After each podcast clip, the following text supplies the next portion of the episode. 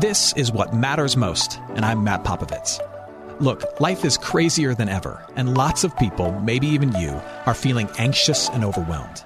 Today's message is designed to help you figure out what's most important and to experience the peace and joy that God intends for you. Because life is a gift, and it shouldn't be wasted on worry. I'd like to give you a resource, something to help you navigate the road ahead. Just go to mattpopovits.com, click on the icon, and we'll send it to you. That's Matt, P-O-P-O-V-I-T-S dot com. And hey, if you happen to live in the Houston area, I'd love to see you on a Sunday morning at St. Mark in Spring Branch. Head to stmarkhouston.org to plan your visit. Here's today's message. Thanks for listening. Uh, this morning, we are wrapping up a teaching series that we've been in for a handful of weeks called Better Than Before, where we're talking about how the Christian life invites us to become stronger on the other side of struggle. And today, we're going to end this series because what we're going to talk about is how, how growth as a follower of Jesus Christ is tied to our trust in the rest of the story. Growth as a follower of Jesus is tied to our ability to hold on to the hope that there is more to this story than the struggles in our life, that God is going to bring all of this to a good ending. Now, when Christians use that word hope, what does it mean? Well, I think that the best way to define it is this that hope is confidence that God will keep his promise. Hope is a living confidence that, the followers of Jesus are called to have that God is going to keep his promise, specifically, that he is going to keep that promise to bring all things to this glorious and good end. It is a promise that God is going to take all this stuff that we're experiencing now and he's going to transform it in the end into something glorious.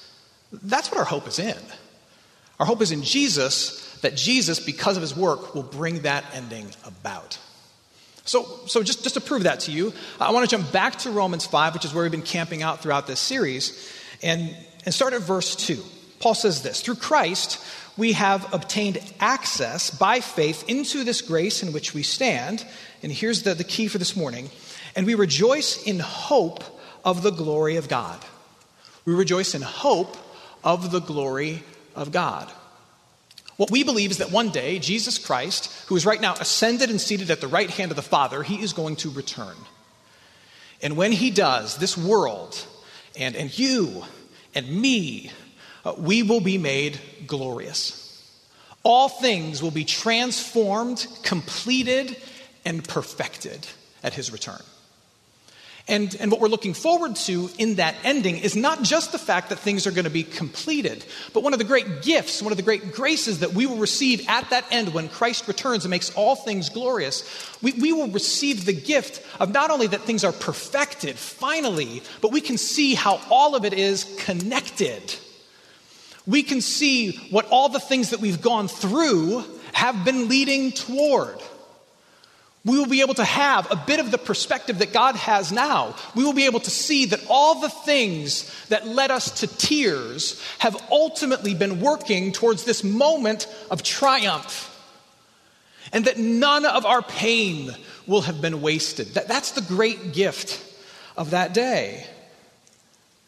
And that promise that all things will be made glorious in the end, it helps to carry us through the middle. It, it gives us the desire to grow and, and to keep going in the middle of this thing, knowing that there is glory, the glory of God, renewing and recreating all things, waiting for us at the end of this thing. Now, there are those who claim that, that this particular hope, this Christian hope, actually gets in the way of Christians growing and changing over their lives. There are some who say that this belief that, that God's going to make all things glorious, it, it ultimately could lead to apathy in the life of the believer, where you just kind of check out and say, well, if it's all in God's hands, what do I have to do with it anyway? Let me just wait and let Him perfect things in the end. And you just kind of end up checking out of this thing called life, like, like Bernie was checking out of the inauguration, right? But I, I reject that notion. I reject the notion that Christian hope stirs up either apathy or denial. Instead, what I, what I would argue to you is that it, it, it encourages us to engage in this life and look for evidence of God's work all around us. I prefer the, the definition of hope that Tertullian wrote in like the second century. He's one of the ancient church fathers. Tertullian said that hope is this. He said that hope is patience with the lamp lit. Uh, here's how this works. I, I, think, I think hope for Christians creates a bit of divine discontent. Divine discontent. Knowing that things are going to be glorious in the end we become discontent with how broken they still are today. And, and dissatisfied with how bad and broken things still are today, what we try to do is bring a little bit of the ending forward into this painful middle. It's this divine discontent that, that led Christians throughout the world to, and throughout history to, to be the leaders in creating social welfare programs. It's what stirred Christians to create hospital systems and, and the modern university system. It's what led Christians to be on the front lines in, in, the fight against injustice and oppression. They are dissatisfied with the way things are. They know that God is leading all things towards glory, and they're so dissatisfied with today that they try to pull some of the future into the present. Also, th- this leads us to be honest about our pains and honest about our struggles, to weep and to wail about the things that hurt because we know. We know that the more honest we are about the pains that we have today, the more appreciative we will be in the end when that glorious and good day arrives. Hope doesn't call us to check out or to deny the difficult realities of life. This hope that we hold to, it makes us expectant and we try to bring some of the future into the present. And we are honest about the difficulties of today because we know it will increase the joy tomorrow. Now, if all of that is true, then, then how do we, as people of faith, how do we stay anchored in this hope that, that is meant to keep us growing and meant to keep us going? How do we stay anchored in this? How do we stay confident in it? Well, I think the scriptures lead us to, to, to at least two things. Uh, first, to stay anchored in this hope, we have to stay close to the promises that stir up this hope. We need to stay close to the promises that stir up this hope. If you want your heart to be anchored in these promises, this confidence of what God is going to do in the very end, you have to have and to hold these promises. And what that means is you have to have a close proximity to God's word.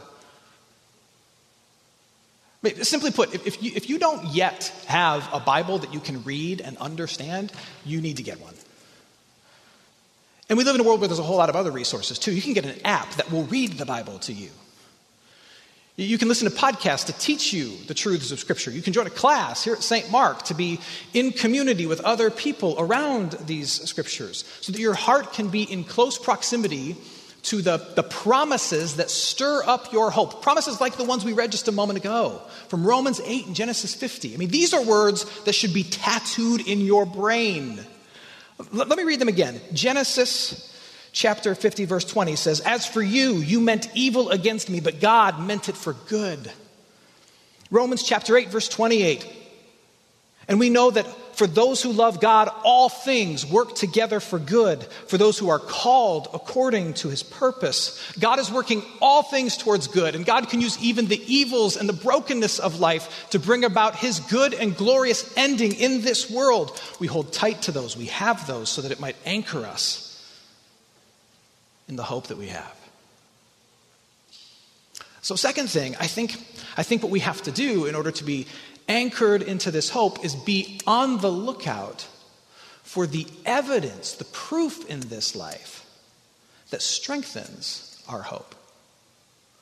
If you're taking seriously what we talked about in week one to, to accept that invitation to grow, uh, what, what you are then called to do is, is have eyes open that are looking for evidence of that growth and of that change, and let that evidence of that growth and change make you confident of the growth and change to come. Let the evidence of the growth and the change make you that much more confident that, that God is going to keep his promise tomorrow because it's starting today. You can see it. You see, the glory that God promises tomorrow is not just something that happens in an instant tomorrow, but the transformation, though it is not completed in this life, it begins in this life as you grow and change on the other side of struggle. So open your eyes to it, look for it, because, the, because that growth and that change serves as proof that God is keeping his promises.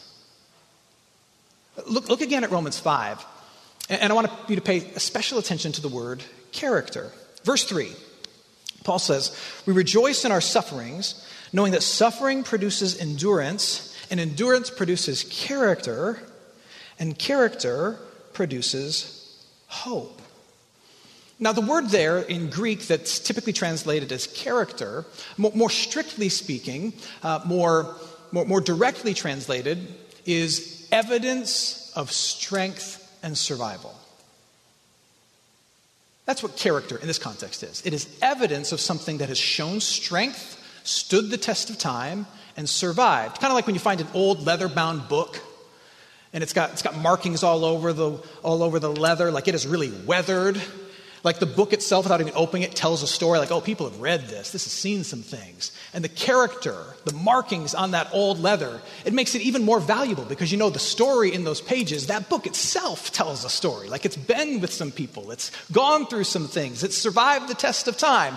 That's what Paul is talking about. You go through all these things in your life, and then there's this growth that comes from it, and that is evidence of survival and strength that gives you confidence that God is working today and He's going to keep His promise tomorrow. My wife and I, we, we like to watch home renovation shows. And, and without fail, these couples, when they're looking for the house to buy that they will ultimately renovate, uh, they, they all say they want the same thing. They want a house with a lot of character. But the reason they want a house with character is probably twofold. Number one, it, it's a more interesting place to live and invite your friends over. But, but, there, but, there's like a deeper reason we want a home with character. Because the, the intricacies and interesting details of the home tell us that it's part of a larger story, like it has a past. And if it's survived with all that interesting detail intact today, perhaps it can sustain itself on into the future. The character of the home tells me, oh, it's part of a bigger story. And it gives me confidence that if it's lasted to this point, and retained its beauty. Maybe it can last into the future. And God is doing the same thing in you. That's what he means about character. He's growing you and changing you on the other side of struggle, and it's meant to give you confidence that he's working this larger story in you. And that the work has begun today to change you and to glorify you, and he will finish it in the end. Look for evidence of God's activity and celebrate it. Let me give you some examples. Maybe on the other side of something truly, truly horrible, you've discovered that you have more gratitude for life in general. Very often, when people go through difficult things, they'll say that, that they enjoy the little things of life so much more. Like maybe the sun is a little brighter to you, or the taste of coffee is a little better for you, or, or family time is just more meaningful for you. Even the stuff that used to annoy you carries more significance for you. You know what that is? That's character. That's evidence of your strength coming out of struggle. Celebrate it. God is keeping his promise to you today that he's going to bring all things to a glorious end tomorrow. Or perhaps on the other side of this really difficult season that you've been in, you now have these relationships that you really value. Call that for what it is. That, that's character. God is growing you and blessing you and changing you. He's, he's keeping his promise about what will happen tomorrow, and it's starting today. Or, or perhaps on, on, the other side of the difficult thing that you've been through, you've discovered that you are a lot stronger than you once thought you were. Like there is more emotional and mental strength in you today than there was before. Uh, things in life that are difficult you thought would have broken you down, but now you know that you can withstand just about anything. You know what? You are stronger. Celebrate that for what it is. God is growing you, changing you. It's character that He's putting in you, evidence of strength and survival. It's proof that He's keeping His promise starting today of what He's going to fulfill tomorrow. Or perhaps you've gone through something horrific but, and prior to that horrible thing, you didn't give one thought to God, not at all, not nothing. But now you are very aware of His presence. And though you went through something awful, you now have this spiritual vibrancy in your life. You're now awakened to the reality of God's presence and His goodness. Call that for what it is it's character. God is growing you and changing you on the other side of struggle, and He's keeping His promise starting today, and He's going to fulfill it tomorrow. Where is the evidence of God's activity manifested in your life today? Hey, friends, it's Matt. If you're listening to us in Houston and you're looking for an excellent education in a Christian setting for your student, I'm inviting you to take a tour of St. Mark Lutheran School in Spring Branch. We serve infants through eighth grade with an excellent faculty, brand new facilities, and a faith forward curriculum. To schedule your tour, head to gostmark.org. That's G O S T M A R K dot org to schedule your tour today. St. Mark Lutheran School. It's excellent education for your son, your daughter, your little one. Now, back to today's message. Harold Kushner uh, went through something horrible and then he wrote a, a best selling book. Uh, the, the, the, book is in, in, entitled Why Do Bad Things Happen to Good People? And Harold Kushner lost his young son, Aaron, tragically. And, and in his book, Kushner writes these words Kushner says, I'm a more sensitive person, a more effective pastor, a more sympathetic counselor because of Aaron's life and death than I ever would have been without it. And I would give up all those gains in a second if I could have my son back. But listen to what he says. But I cannot choose that. In other words, he doesn't have the option to choose to have his son back. And so, what he's saying here is since he can't choose to undo the pain, he will make a choice to be grateful for some of the growth that has come in him as a result of this unspeakable loss. I can't choose to change it. If I could, I would, but I can't. So, what choice is left in front of me? I have seen some things that have been born in my life that are beautiful as a result or connected to this thing that's terrible. So, I can either continue to wish for something that will never happen, or I can be, in some sense, cognizant of, dare I say, grateful for the fruit that God has borne in the tilled soil of my pain. That's what we're talking about. Look for the activity of God growing you and changing you in the aftermath of struggle and let it prove to you that He is keeping this promise to you.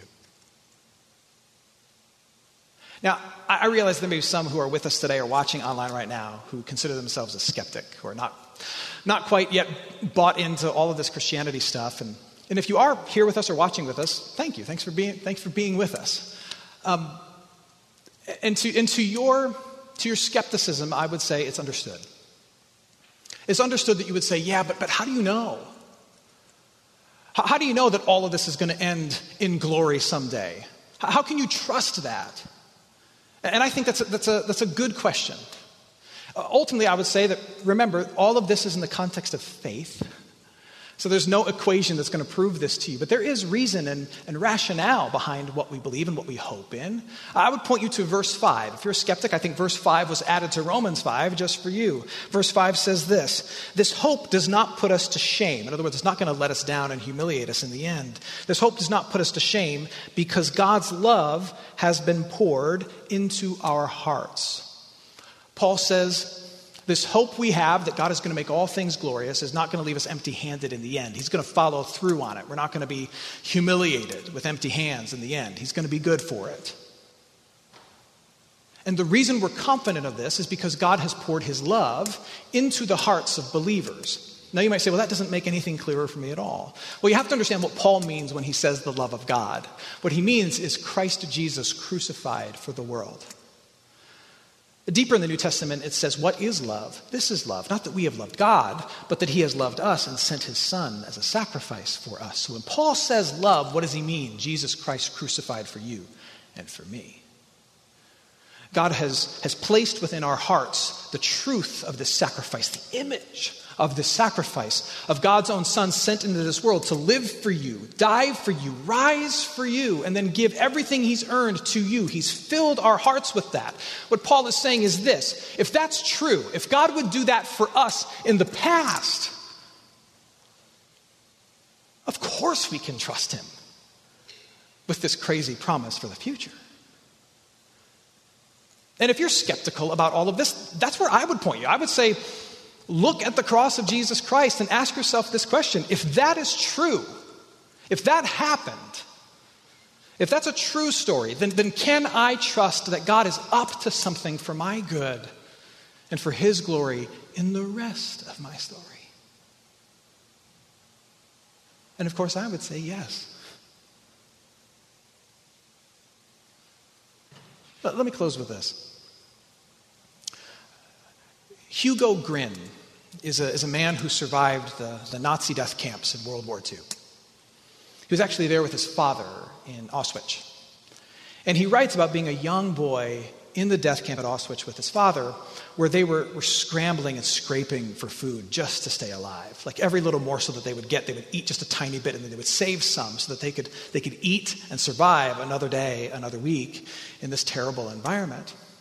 And he tells the story how, when it came time for Hanukkah to be celebrated while he's in the death camp, he watched with, with, with horror to his young eyes as his father took this, this lump of margarine that they had, the, the biggest source of food that they had at the particular moment. And the father used it as fuel to light the candles in their celebration of the holiday. And as a young boy, he looked at his dad. He said, Dad, why, why are you using our food to light the candles? And the father looked at his son and he said, Son, man can live for three weeks without food. He cannot live but three minutes without hope. And these lights are our hope. You have such hope that all the pains and all the hurts and all the problems that we're going through are leading towards and building to something great and glorious. On the other side of whatever your struggle is, may you receive the invitation to grow. May you lean into it. May you also choose to live as a healthy follower of Jesus, seeking to respond to the ups and downs of life by, by the move of the Spirit rather than, than react out of your woundedness as a human being. And may you have confidence. Confidence that in the end you will see that everything you've gone through has been building and leading to something glorious at the return of Jesus. Because, my friends, this is the truth. At the return of Jesus Christ, all things will be better than before. Let's pray. Heavenly Father, we thank you that though this, though this life is so difficult, that you invite us to grow and to change, that, that you show us by the power of your Spirit how to live as functional and healthy people despite our wounds and our hurts. And we thank you most of all that in the very end, we will get to see a bit of what you see now, how all of this fits together, that everything that has led us to tears will ultimately lead us to grace, the grace of knowing that you have authored a beautiful story when you bring all things to glory.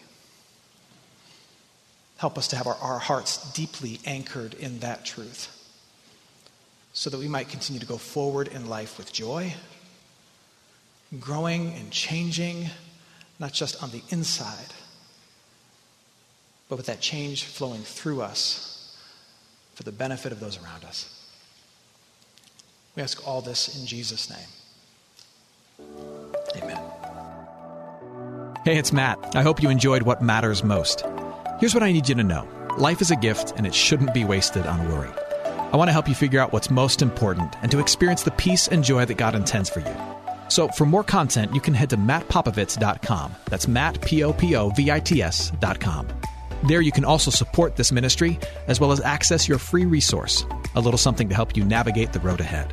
I'd also love to see you on a Sunday morning. If you're in the Houston area, head to stmarkhouston.org to plan your visit. In the meantime, hit me up on Instagram at mpopovits or at facebook.com slash Matt Popovits Ministries. Thanks for listening. Now go and hold tight to what matters most.